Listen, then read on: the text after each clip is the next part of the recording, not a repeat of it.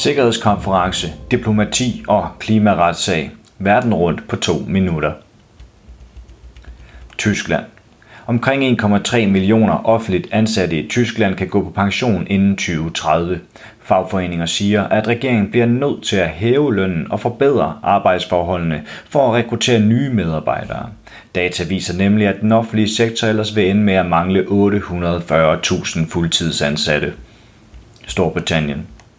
En analyse fra det britiske fagforeningscenter TUC afslører, at hele 836.340 sorte og etniske minoritetsarbejdere har været nødt til at overleve på midlertidige jobs eller 0-timers kontrakter sidste år, en stigning fra 360.200 i 2011.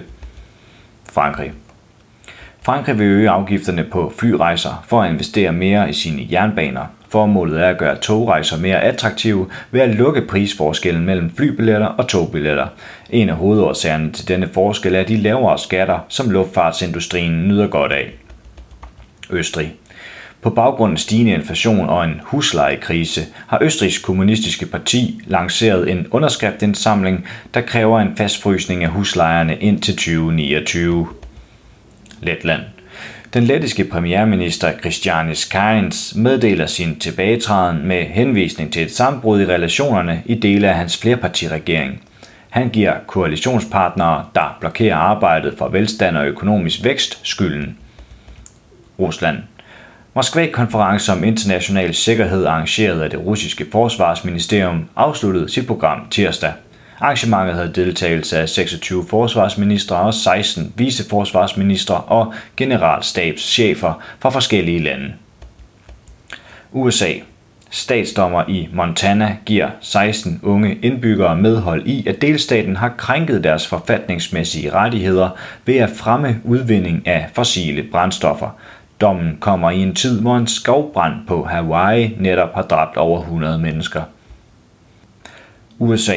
En stor jury i Fulton Amt i Georgia rejser tiltale mod tidligere præsident Donald Trump og 18 andre for at have deltaget i et omfattende kriminelt foretagende, der havde til formål at omstøde resultatet af præsidentvalget i 2020 i delstaten.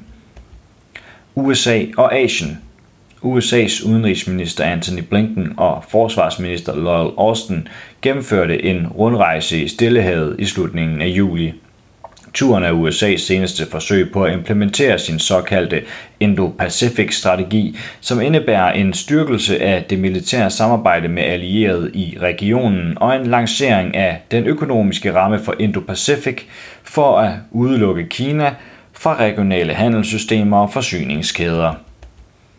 Israel og Palæstina – et åbent brev, der sidestiller Israels ulovlige 56-årige besættelse af Vestbreden og Øst-Jerusalem i Palæstina med apartheid, er nu blevet underskrevet af mere end 1.500 akademikere i USA, Israel og resten af verden.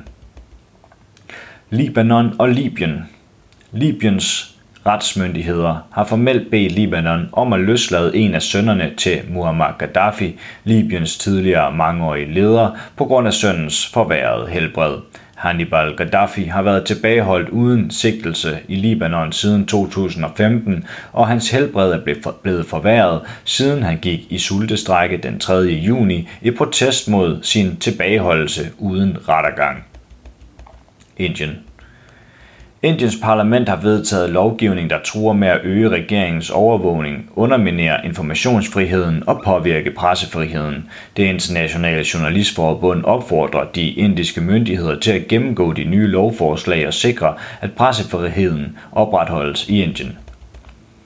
Kina den 15. august fejrede Kina sin første nationale økologidag. Økologisk beskyttelse er af afgørende betydning for den bæredygtige udvikling af den kinesiske nation, sagde præsident Xi Jinping og kaldte det et vigtigt politisk spørgsmål, der vedrører Kommunistpartiets mission og formål, såvel som et vigtigt socialt spørgsmål, der vedrører offentlighedens velbefindende.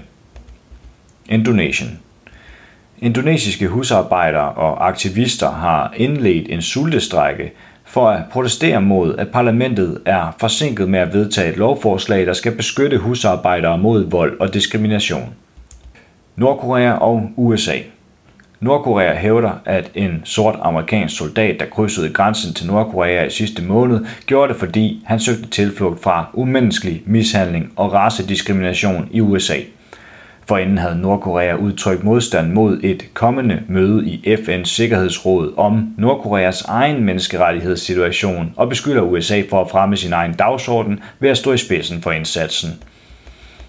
Sydkorea og Japan Hundredvis af sydkoreanske aktivister samler sig i det centrale Seoul for at protestere mod Japans plan om at slippe behandlet radioaktivt vand fra det tsunami-ødelagte Fukushima atomkraftværk ud i havet. Mexico under Vesterfløjens Morena-regering i Mexico er fattigdomsraten faldet fra 49,9% af befolkningen i 2018 til 43,5% i 2022, viser en undersøgelse offentliggjort af landets agentur for fattigdomsanalyse. Brasilien.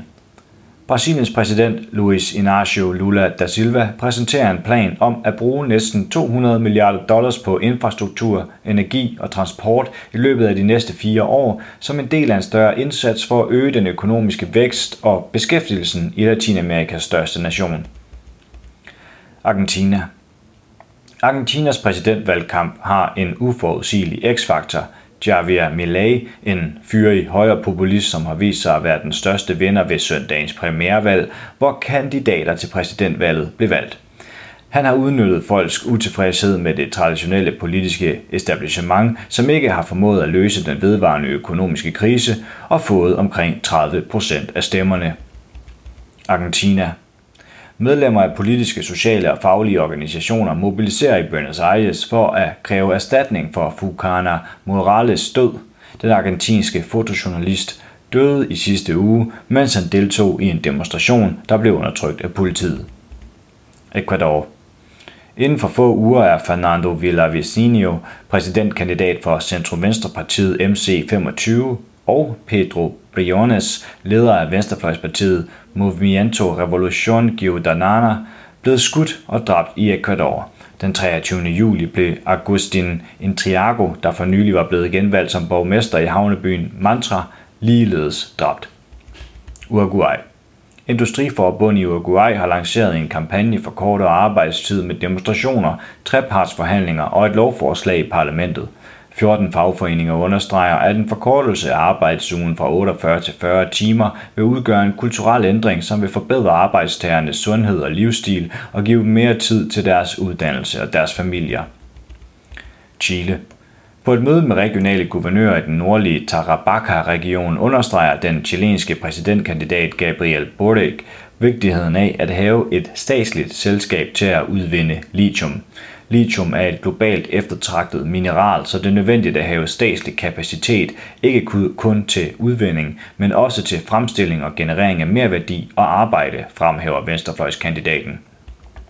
Mali FN's militære mission i Mali har fremskyndet sin tilbagetrækning fra byen Bær i den nordlige del af landet efter en stigning i antallet af kampe. FN-missionen, kendt som MINUSMA, sagde i en erklæring søndag, at forværret sikkerhed havde gjort dens afgang presserende. Niger.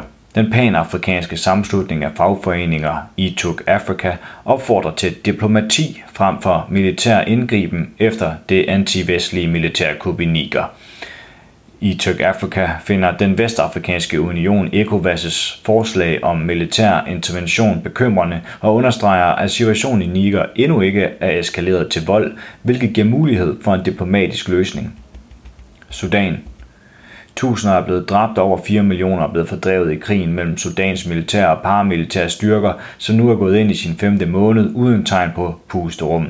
Sudans kommunistiske parti advarer de unge mod at blive ofre for begge parters forsøg på at øge rekrutteringen.